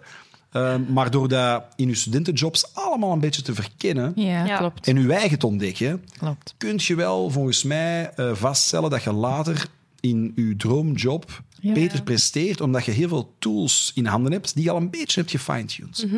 terwijl dat op het moment dat je ze aan het fine-tunen zei, je er totaal niet bewust Nee, van zeker bent. niet. Dat is onbewust. Hè? Dat is Ja, onbewust. maar dat is fijn om te denken. Nu vraag ik mij zo al af, wat ben ik nu aan het... Of wie ben ik Ja. nu aan het ontmoeten, Ja. wat in die Ja. end wel een grote impact gaat hebben. Zaadjes planten, hè? zaadjes planten. Dat kan ook wel uit de klauwen lopen, want ik heb dan een paar jaar geleden zaadjes geplant door verschillende vennootschappen op te richten. Hè? Het artiestenverhaal, het voetballersverhaal, advocatenkantoor, VZ2. En op een duur zie je dat dat wel een beetje bomen aan het worden zijn, maar heb de, heb de handen tekort om die bomen te Ja. knuffelen. En dan wordt het wel moeilijk. Dan moet je wel... Krijg je weer een beeld, Dus- hè? ja, nee, maar ja, een bomenknuffelaar. Oh, mijn knuffelen. Ja, dat ben ik ook. Hè. De, fluitend, joggend door het bos. Ja, ja, ja. Nee, dat is waar. Nee, juiste opmerking, juiste opmerking. Zodat ik achteruit stappen meer. Maar zo wat. Eh, Ik heb hetzelfde, hè, dus dan mag ik Ja, ik ook. over Dus mogen dat Oh, jawel, ik probeer dat zeker wel te doen, maar ik ben eh, niet de sportiefste. Oké. Ik probeer elke week één keer te joggen en één keer Dat te vind ik zwemmen. al veel. Maar je hebt uw leeftijd nog mee. Hè. Ik, ben een, ik ben een oudere man. Dus wat, ik, ben, ik ben een oudere man, ik mag dat zeggen. Jullie zijn twee jonge vrouwen, ik ben een oudere man.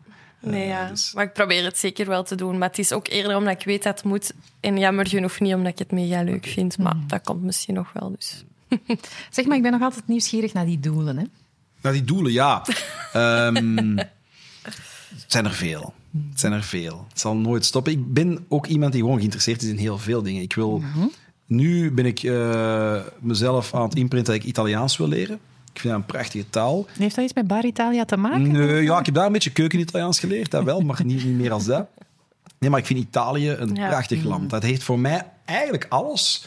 Behalve politiek is het moeilijk en economisch is het ook niet gemakkelijk. Nee. Maar voor de rest het klimaat, de mode, de keuken, De keuken. taal, eh, de mensen.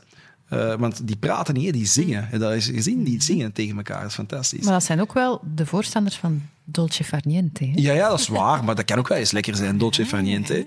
Eh, nee, ik vind Italië een, een, heel mooie bestemming, een mooi land. Dus ik zou graag Italiaans leren. Waarom? Als je naar Italië reist, dan wil ik graag met een plan kunnen trekken. Ja, Niet eh, met een vertaal-app in mijn hand dingen moeten vragen. Nee, dan wil ik kunnen praten met een man in de straat die zijn krant aan het lezen is en aan het vloeken op de voetbal. Ik zeg maar iets. Dat vind ik mooi. Ik wil heel graag piano leren spelen. Ik heb aan Billy Leijers gevraagd om, om een piano te leren spelen. Eh, en die wil dat wel doen, maar ik moet er ook tijd voor maken natuurlijk. Daar heb ik mezelf ook voorgenomen om Piano? piano, te Ja, leren voilà. spelen. Ja, we Ik hebben luister er sinds heel graag naar, maar ik speel goed. Maar volgens mij is dat super moeilijk om. Ja. Je kunt. Dus ik dacht misschien eh, Italiaans leren terwijl ik piano speel, wie weet, om een beetje time management gewijs op En orde jij bent ermee bezig, omdat je zegt, ik heb sinds kort... Ja, we hebben sinds kort een piano thuis voor Cool. mijn vriend, ondertussen mijn man. ook. Ja, het zeggen. Proficiat, Ja, Dankjewel, dankjewel. Ja, en als trouwcadeau zelfs heeft hij een piano gekregen. Chic cadeau wel. twee broers. Amai, ja. Ehm, ja, en ik moest er straks aan denken toen jullie Jan Tiersen zeiden. Mhm. Ehm, dat was hem aan het spelen. Ja. Mai. Ja, Ah, wel, is toch cool? hij was het supergoed aan het spelen. Nee, hij is het ook nog aan het leren, maar ik heb het mij ook wel voorgenomen om ook wel eens een paar keer achter de piano te kruipen. Dus wie weet. Je hebt op de luchthaven van Zaventem toch zo'n piano staan. Ja. Ja, ja, ja, je? ja, ja. en elke keer als ik ja. passeer, dan denk ik van ja, het is toch cool, dan moet ik even... Even, Ja, maar- even... eh, Ja. Ja. ja, ja. Ja. Zeg, en Omar, voordat we het vergeten, Along the Way heb jij ook nog een boek geschreven. Klopt, een paar jaar waar geleden. kwam die... eh, Ehm, wel, ik, eh, ik kreeg de vraag van Sam de Graven, als je die kent. eh, ooit Ja, een man die het televisielandschap heel veel heeft gedaan, bewogen. Ook met de slimste mensen ter wereld vrij lang is bezig geweest. Ehm, en nu bij Borgerhoff en Lambrecht al vele jaren aan de slag.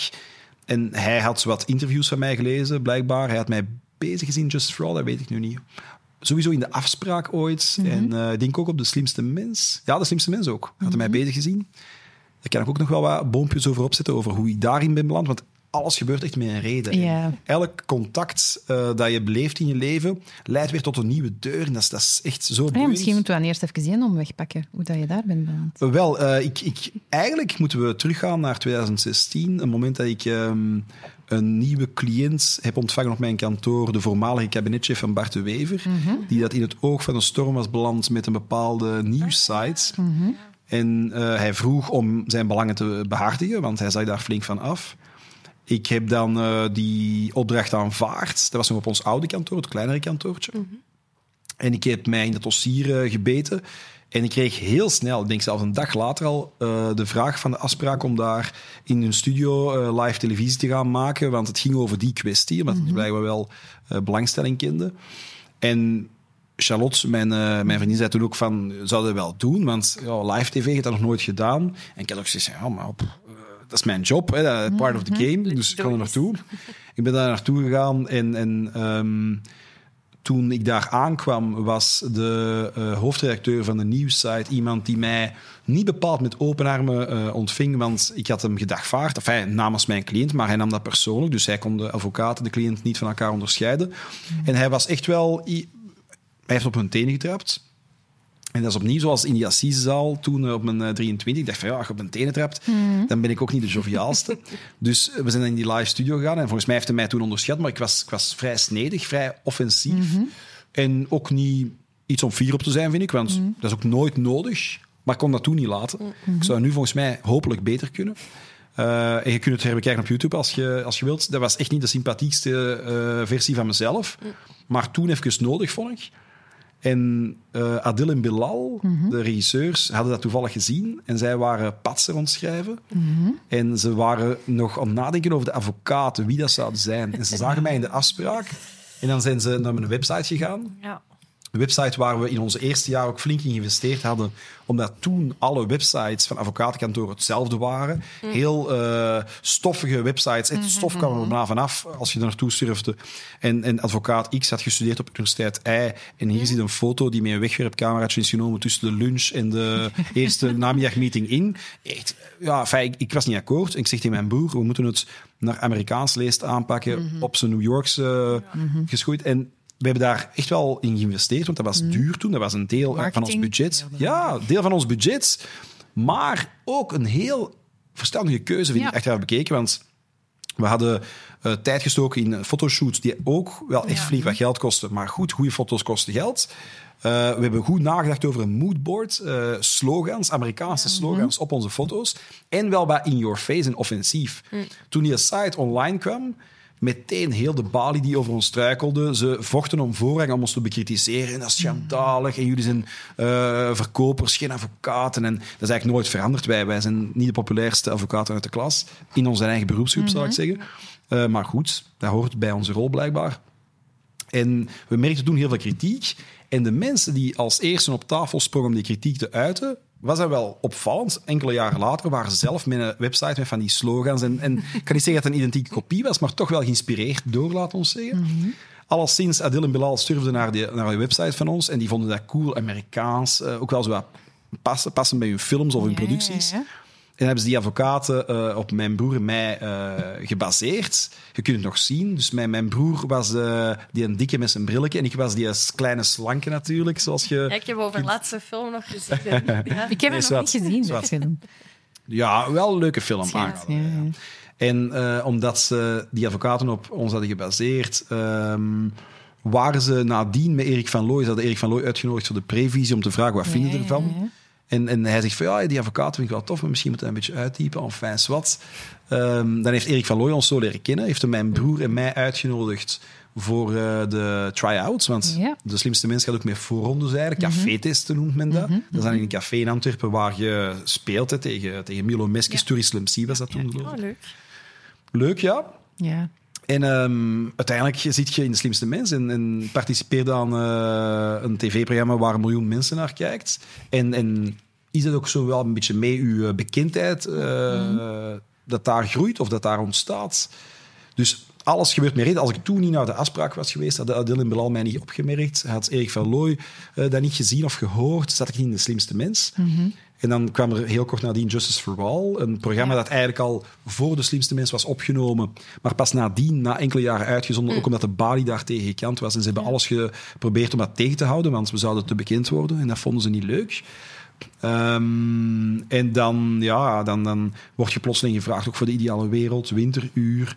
Eh, ook heel veel programma's waar ik, waar ik nee tegen heb gezegd, voor alle duidelijkheid. Maar natuurlijk, de programma's of de voorstellen die je krijgt waar je nee tegen zegt, die komen niet op tv. wa- op basis waarvan zeg jij nee? Meestal was eh, de voornaamste reden dat het niet in mijn vakgebied eh, zich situeert. En dan moet je het meestal niet doen. De slimste mens is een quiz die ik heb gedaan. Ik heb daarnaast nog één iets gedaan. Een uit de hand gelopen, gelopen weddingschap. eh, maar voor het overige zie ik mezelf dat niet direct doen. Ehm, en Ja, dat daar hebben nu... ook heel veel tijd in, denk ik. Allee. Ja, valt wel mee, maar we moeten ook niet hypocriet doen. Ehm, cliënten kunnen u niet bellen als u niet kennen. Nee. Dus als je als advocaat Ja. een bekende naam krijgt of hebt, en je komt alleen zo met je snoet op tv eh, en je komt goed over of, of, of eh, je staat in de krant met een interview, dat is geen nadeel. Nee, nee. En er zijn heel veel advocaten die zeggen dat ze dat niet zouden willen of, of niet zouden doen. Maar dat zijn ook wel de eerste die dat dan eh, klagen dat ze, met alle respect, te weinig opgebeld worden. Of, of. Mhm. Dus ik vind dat je moogt het belang van, van U laten zien, u Ja, durven laten wel. zien. Ja, ik- vind dat ook geen, ik vind dat ook geen schande. Vind Nee, dat geen schande. niet. Ehm, Nee, het moet niet, want als, als dat echt te ver buiten je comfortzone ligt, moet je daar ook niet te hard in forceren. Maar je moet je wel bewust zijn dan van een impact. Dat ik je jezelf op andere vlakken een stapje achteruit zet. Ja, ja, vind ik ook. Vind ik ook. En dat boek, om even terug te komen op de vraag, eh, was dus ook een gevolg van Sam de Graven, die mij had bezig gezien, denk ik, in De Slimste Mens. Ja. En die zei van, ik heb interviews van jou gelezen, ik heb ge- gehoord wat je allemaal hebt meegemaakt, zowel in je jeugd als nadien. En ik vind dat wel een boek waard, kunnen we daar eens niet over spreken. En ik dacht eerst dat niet te doen, maar dan kwam corona. En dan zag ik dat alle pleidooien geschrapt werden. Dus plotseling, want normaal gezien uw pleitagenda ligt toch wel maanden Ja. vrij flink vast. Plotseling had ik eh, twee maanden eh, waarin pleidooien geschrapt werden. En hadden wel effectief elke voormiddag Tijd. ja, tijd. Plotseling. All of a sudden, want het verraste volgens mij heel veel mensen. Ja, ja, ja. Mij zeker. En ik dacht, oké, laat ons dat eens proberen. En dan En Wat is de eh, belangrijkste boodschap dat je met je boek hebt willen geven? Er zitten wel een paar boodschappen in, hoop ik. De belangrijkste is, Of denk ik, het dat... Ja, maar ik denk dat de belangrijkste boodschap, een boodschap is die, die zeker en vast mijn vak overstijgt. Dat is dat iedereen zijn eigen route kent. Iedereen zijn eigen leven, met zijn eigen timing, met zijn eigen snelheid en met zijn eigen dromen, verlangens of ambities. En dat je jezelf nooit mocht vergelijken met anderen. Ik meen dat oprecht. Dat kan soms een gezonde motivatie zijn, maar vaak volgens mij ook een hindernis in het streven naar eh, het waarmaken van uw, of realiseren van uw ambities. Je moet jezelf in de spiegel kunnen kijken en jezelf leren kennen. Dat is heel belangrijk. In uw gebreken, in uw kwaliteiten, in, in uw totaalpakket, ook in uw evolutie, in uw progressiemarge. En je moogt, eh, je moet jezelf krediet geven. Echt wel. En dat maakt niet uit of dat je 20 bent, 40 of 60. Je moet jezelf altijd krediet geven. En tegelijkertijd jezelf ook niet te serieus nemen. Ik heb het in het begin gezegd. Ehm, je moogt ook nooit overschatten wat je doet. Want sorry, iedereen is vervangbaar. Als ik, eh, ik hoop wat niet gebeurt, maar als ik morgen onder een tram val, dan... dan De ja, wereld blijft draaien. Hè? de wereld blijft draaien. En, en eh, de advocatuur eh, gaat zeker niet stoppen. Integendeel, dat ze een feestje zullen geven. Ehm, nee, dat, je moet jezelf nooit... Stoort jou dat? Dat je binnen je, je ja, eigen... Ik vind het jammer. Ik vind het jammer. Ik vind wel Ja, Het soms... is omdat je het een paar keer vermeldt. Dus ja. ergens zit ja, maar het is ook omdat het nu keihard speelt ook wel. Ik zit, Ah, ja. eh, ja, ik, zie- ik zit ook wel... eh, er is een hoog tempo. Ik ben met heel veel bezig. Mhm. En, en ik hoor ook wel heel veel zaken. Ik vang veel op. Dus ehm, ik vind dat soms wel jammer, omdat ik dat wel een beetje medelijwekkend vind. Ik vind mijn concurrenten of mijn collega's alles. Ja. En soms is dat niet helemaal uh, tweerichtingsstraat en dat is spijtig. Ja. Maar ook niet meer als dat. Ik relativeer mezelf gelukkig voldoende. Ik vind dat soms ook um, een beetje een, een, een, lelijk Vlaams trekje. Zo dat, ja, dat is wel waar. Dat, dat wel het elkaar niet gunnen. Nee, nee, dat is wel. Ja, of het, het is, zo die het is liefde mij... voor de underdog en, en, en Ja, het ik- een beetje zo een, een afgunstig iets naar mensen die te Mhm. succesvol of te veel in de picture, alsof dat, dat iets verkeerd is. Ik vind dat, ik vind dat soms een beetje een typisch Vlaams. Het zou kunnen, ja. Ik moet wel zeggen, want, want New York is een van mijn verslavingen. En ik, op den duur eh, leerde wel wat locals kennen die je ook vriend mocht noemen. En, en ik probeer daar echt zoveel als mogelijk naartoe te reizen. En als wij samen gaan eten of wij gaan samen op stap, dan eh, hebben we echt vaak goede gesprekken. En zij begrijpen daar echt niks van. Nee, Om een voorbeeld te geven, als je in de Verenigde Staten eh, iets probeert, carrièregewijs, en je gaat failliet, dan zeggen ze van, kom, Ja. volgende keer beter en je hebt nu weer geleerd. En hier lachen ze je uit en ja, zeggen ze van, zie je wel. dat is wel ook iets dat, dat echt niet oké ja, het is wat. Ik trek het mij eigenlijk zo weinig mogelijk aan, maar ik vind dat wel jammer. Ja, ik Ja. vind dat wel Ja. jammer. Ja. Ik vind dat jammer, want dat is een cultuur. En ik wil, nogmaals, ik wil niet, niet veralgemenen, maar er zit wel een aspectje in. Dat is een cultuur die mensen beknot. Mm. Die, die, en we, we zijn al niet de grootste risiconemers. En, en degenen die dan nog twijfelen, die gaan daar dan nog wat door afgeschrikt of afgeremd Daar worden. heb je gelijk in. Terwijl als je in een positief stuwende cultuur zit van doe maar en probeer maar. En, en dat, dat maakt een wereld van verschil. Ja, zou kunnen beknotten, denk ik. Want bek- mij beknot het echt niet. Integendeel, ik, ik heb op dat vlak wel een... eh kun je het een slecht karakter noemen een humoristisch kantje. Maar ik kietel mijn haters ook wel graag. Eh, als ze vinden dat ik te veel op tv kom, dan denk ik van, ah, wel, kom toch doen. Nog een beetje meer. Eh, Ja, ja. Maar langs de andere kant, ik moet ook niet flauw doen. Het hoort bij mijn rol. Eh, ik heb er zelf voor gezorgd. En, en ik, ehm, ik ben daar ook gewoon mede verantwoordelijk aan. aan, aan- ja, dus ik moet... Ja, but you own it. Ja, ik, ik, ik- ja, echt niet. Dat is ook misschien het enige voordeel aan, aan een aantal, eh, of, of toch zeker één persoonlijk drama dat ik heb meegemaakt. Dat is dat je zeker sindsdien alles afmeet aan, aan tegenslagen of aan, aan pijn of aan kritiek. En dan kun je met heel erg veel leven. Dus dat is wel een voordeel van het, eh, de kunst van het relativeren. Ja. Dus, ja. En is, is, is dat iets dat jou echt... Ja, logisch, het is een beetje een open deur. Maar is dat iets dat je echt elke dag nog mee, meeneemt? Ja, ja, zeker. ja, Ja. 100%. Ja. In alles wat je doet, sowieso. Ja. En, maar dat heeft ook voordelen, ik zeg het. Het voordeel is dat als je eens een keer kritiek krijgt of eh, iemand vindt dat je, dat je te populair wordt of te succesvol of eh, te veel met andere dingen bezig bent dan, eh, dan je eigen vak, ehm, dat je dat keihard relativeert. Zeker wel, ja. En dat is ook het leven. Het leven is relativeren. Want ik had het er onlangs met Axel Daasleren over.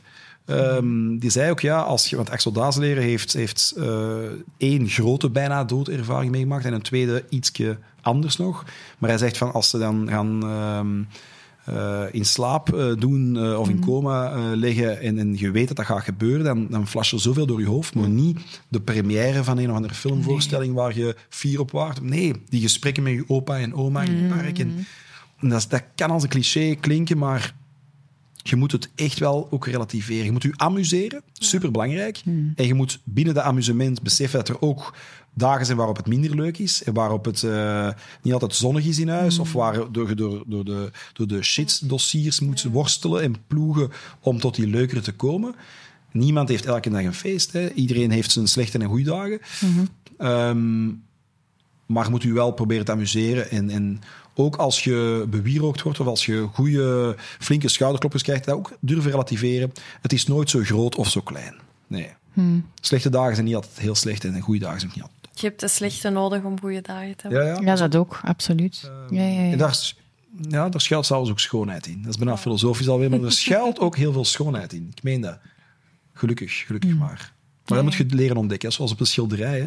Het is maar door de donkere tinten dat de licht eh, tot uiting komen. Dus. Ja, voilà, exact. Hoe was het om zo eens terug te blikken?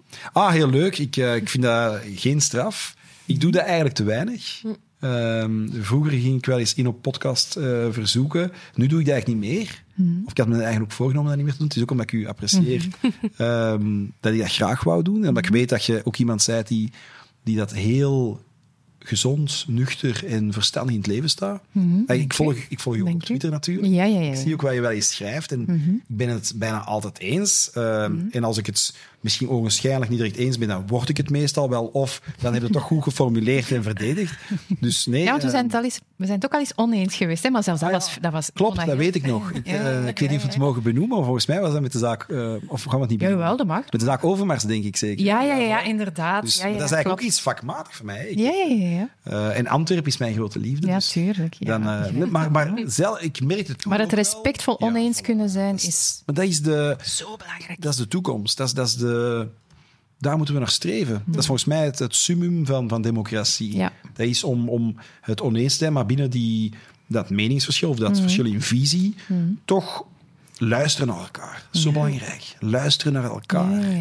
Ja, ja. Dus eh, ik heb van jou al heel wat geleerd. Dat mag je weten. En ik vind het dan ook fijn als je mij vraagt om hier te gaan zijn, om iets te kunnen terugdoen of zo. Of- En ik vond het ook super fijn. Ik heb, ik, ik heb niet veel moeten vragen of, of doen. hè. Ah ja, ik ben een babbelaar. hè. Nee, maar het verhaal, het, het verhaal vertelt zichzelf een stuk. Oké, ja. Ja, ja, ik vond het eh, nee, heel fijn. En, en u voor jou, wat is er, had jij nog vragen? Had jij nog iets van dat wou ik echt nog eens... eh, Daarover valt je een beetje. Allee, mij een beetje mee. Als het niet is, dan is het niet? Nee, eigenlijk niet. Dan vond- mailde maar. Ah, Ja. wel, dat zal ik zeker doen.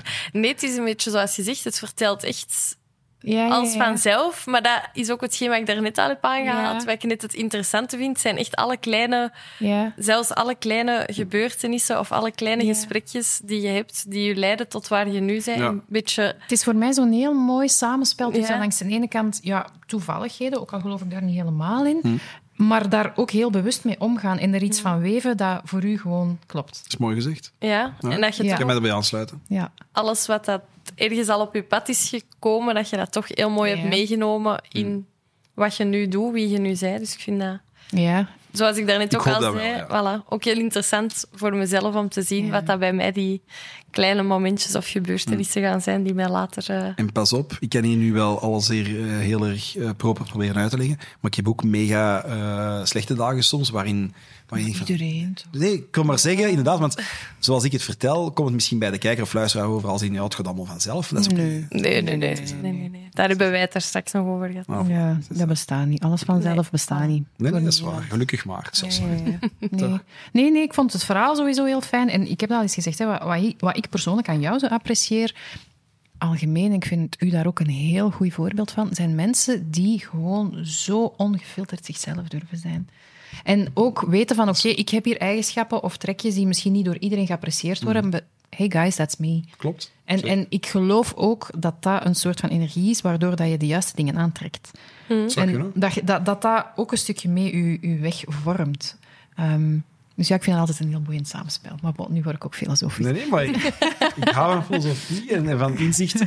En je legt dat fantastisch uit. Dus Ja, ja, Ik vind, eh, ik vind Dankjewel. het wel mooi. Ja, ja, ja. Is er iets dat u voor de rest nog is bijgebleven? Of eh, dat, dat jij zegt van, ah, wel, dat is nu bij mij blijven hangen? Of... Die kingfish, hè? De kingfish, sowieso. De kingfish. De kingfish. Goh, nee, ja. Ik denk vooral wat dat er heel vaak is teruggekomen en wat dat bij mij denk ik nog wel een, een, ja, nog een, een weg is, is, is zo een beetje het relativeren. Oké. Ik ben er zelf echt wel heel hard van bewust hoe belangrijk het daar is. Maar eh, dat is voor mij nog wel een klein beetje een oefening, denk ik. Dat ik alles misschien nog veel te groot en veel te, te spannend vind of zo. Maar, hangt ook op dat moment van je eigen state of mind af. Hè? Of hoe dat, hoe dat met je gaat. Er zijn momenten dat ik alles kan relativeren. En er zijn momenten dat het kleinste mij... Wow, Klopt wel. Klopt wel. Relativeren is ook niet iets dat je kunt of niet kunt. Dat is, dat is ook een... Ja, iets, de ene moment gaat dat goed en de andere moment gaat dat niet goed. maar het is toch ook een beetje een oefening. Ja, ja het is een, het is een, spier, om, te, het is een spier om te trainen. Hè? Ja. Dat is zeker waar. Dat is zeker waar. En, en uw eh, ontwikkeling zorgt zelf voor die kunst te beheersen. Wil, Je gaat op een gegeven moment ontdekken van ja, oké, ik kan dat gewoon beter. En dat, dat heeft gelukkig tijd nodig. Je wordt er niet mee geboren. Nee, nee, net zoals dat je niet wordt geboren als leider. Je wordt, ook, je, je wordt als niks geboren. Hè? Je wordt gewoon geboren met een, hoop sheet, potentieel. Een, een canvas. En voilà. Een canvas. En, En dat is het mooie. Ja, ja, ja, absoluut. En dat vind ik ook nog wel iets waar ik zeker wil vermelden. Eh, Jordan Peterson, een speciale kerel. Want er zijn eh, pro's en contra's. En ik vind dat hij de laatste jaren ook echt wel dingen begint te doen en, en zeggen waar ik van denk van oké, vreemd. Maar wel iemand eh, waar ik graag naar luister. En hij zei ooit van kijk, het leven is eigenlijk één groot spel. En je weet op voorhand de uitkomst, je gaat verliezen. Ooit komt er een dag, helaas, dat, dat we afscheid moeten nemen van dit bestaan, van dit aardse bestaan. En als je weet dat je deelneemt aan een spel dat je sowieso uiteindelijk zult moeten verliezen, want je stopt er daarmee met dat spel, Mhm. dan kun je maar beter het beste maken en je rot amuseren en, en zonder boundaries doen wat je wilt doen. Ik vind dat wel wijze woorden. Dat is een beetje vrij vertaald. Hè? Ja, ja, ja. Maar Ik vind dat wel wijze woorden. Eh, dat is ook waarom ik eigenlijk geen rem heb op mezelf te zijn, denk ik. Nee. En of ik nu aan het pleiten ben voor een rechter, of ik zit op een familiefeest, of ik zit eh, uit te gaan en te dansen, of ik zit op een restaurant. Ik denk eigenlijk wel dat ik voor 90% altijd dezelfde ben. En soms zijn er kleine accentverschillen, maar ik maak ook graag grapjes voor een rechter, want zo kun je aandacht trekken, kun je wat zuurstof in een debat pompen. Eh, je moet natuurlijk wel je momenten kiezen, dat heb ik geleerd. Maar ehm, ik denk dat je vooral voor jezelf de freinen, de, de remmen, moet loslaten. Ja. Echt wel. Echt Ja. wel, ja, denk ik. Hè? Ja, Ik heb niet alle wijsheid in pacht, maar dat is mijn idee. Ja, mijn ja, ja. gevoel. Ja, brengt mij ineens eigenlijk een beetje bij de, de afrondende vragen die ik altijd stel. Ehm, met al hetgeen dat je nu enerzijds had hebt meegemaakt, ervaring in je rugzakje hebt, hè, zowel de... Ja, alsjeblieft, daarvoor liggen ze er. Ehm, stel dat het mogelijk was om nu een, iets terug te geven of mee te geven aan 20-jarige Omar. Wat zou, ehm, wat zou jij me willen zeggen? Ik win tijden. Ja, ja, maar Nee, dat is- dat Ik zou zeggen ehm, dat hij gelijk heeft. Denk ik. Oh, dat is interessant. Nee. Dat is interessant. Ja, nee. dat ook een toepasselijke advocaat. Ja, sowieso. Ja, nee, maar, nee, nee, maar eh, ik moet toegeven, want 20 jaar, het is al even geleden, maar ook nog geen 100 jaar gelukkig. Nu zeg. Ehm, maar ik had toen wel het gevoel dat ik zou doen of proberen te doen wat ik daarna gedaan heb. Ik had toen, ik wist nog niet exact wat, maar uiteindelijk is er maar één waarheid op aarde volgens mij, en dat is dat iedereen probeert om gelukkig te worden. Iedereen wil gelukkig worden. Ja. In privé, in werk. Ja. Dat is, dat is, je bent één persoon, je hebt één geluksgevoel en je wilt dat zo groot mogelijk maken. En ik was er toen eigenlijk wel... Ik wist nog niet wat ik zou doen, precies, of, of hoe het zou zich ontwikkelen. Maar ik wist toen eigenlijk wel dat ik gelukkig zou worden. En ik ben dat ook wel eigenlijk. En ik heb ook mijn ongelukkige momenten, maar overal ben ik gewoon dankbaar. Er is heel veel dankbaarheid om te mogen doen wat ik kan doen.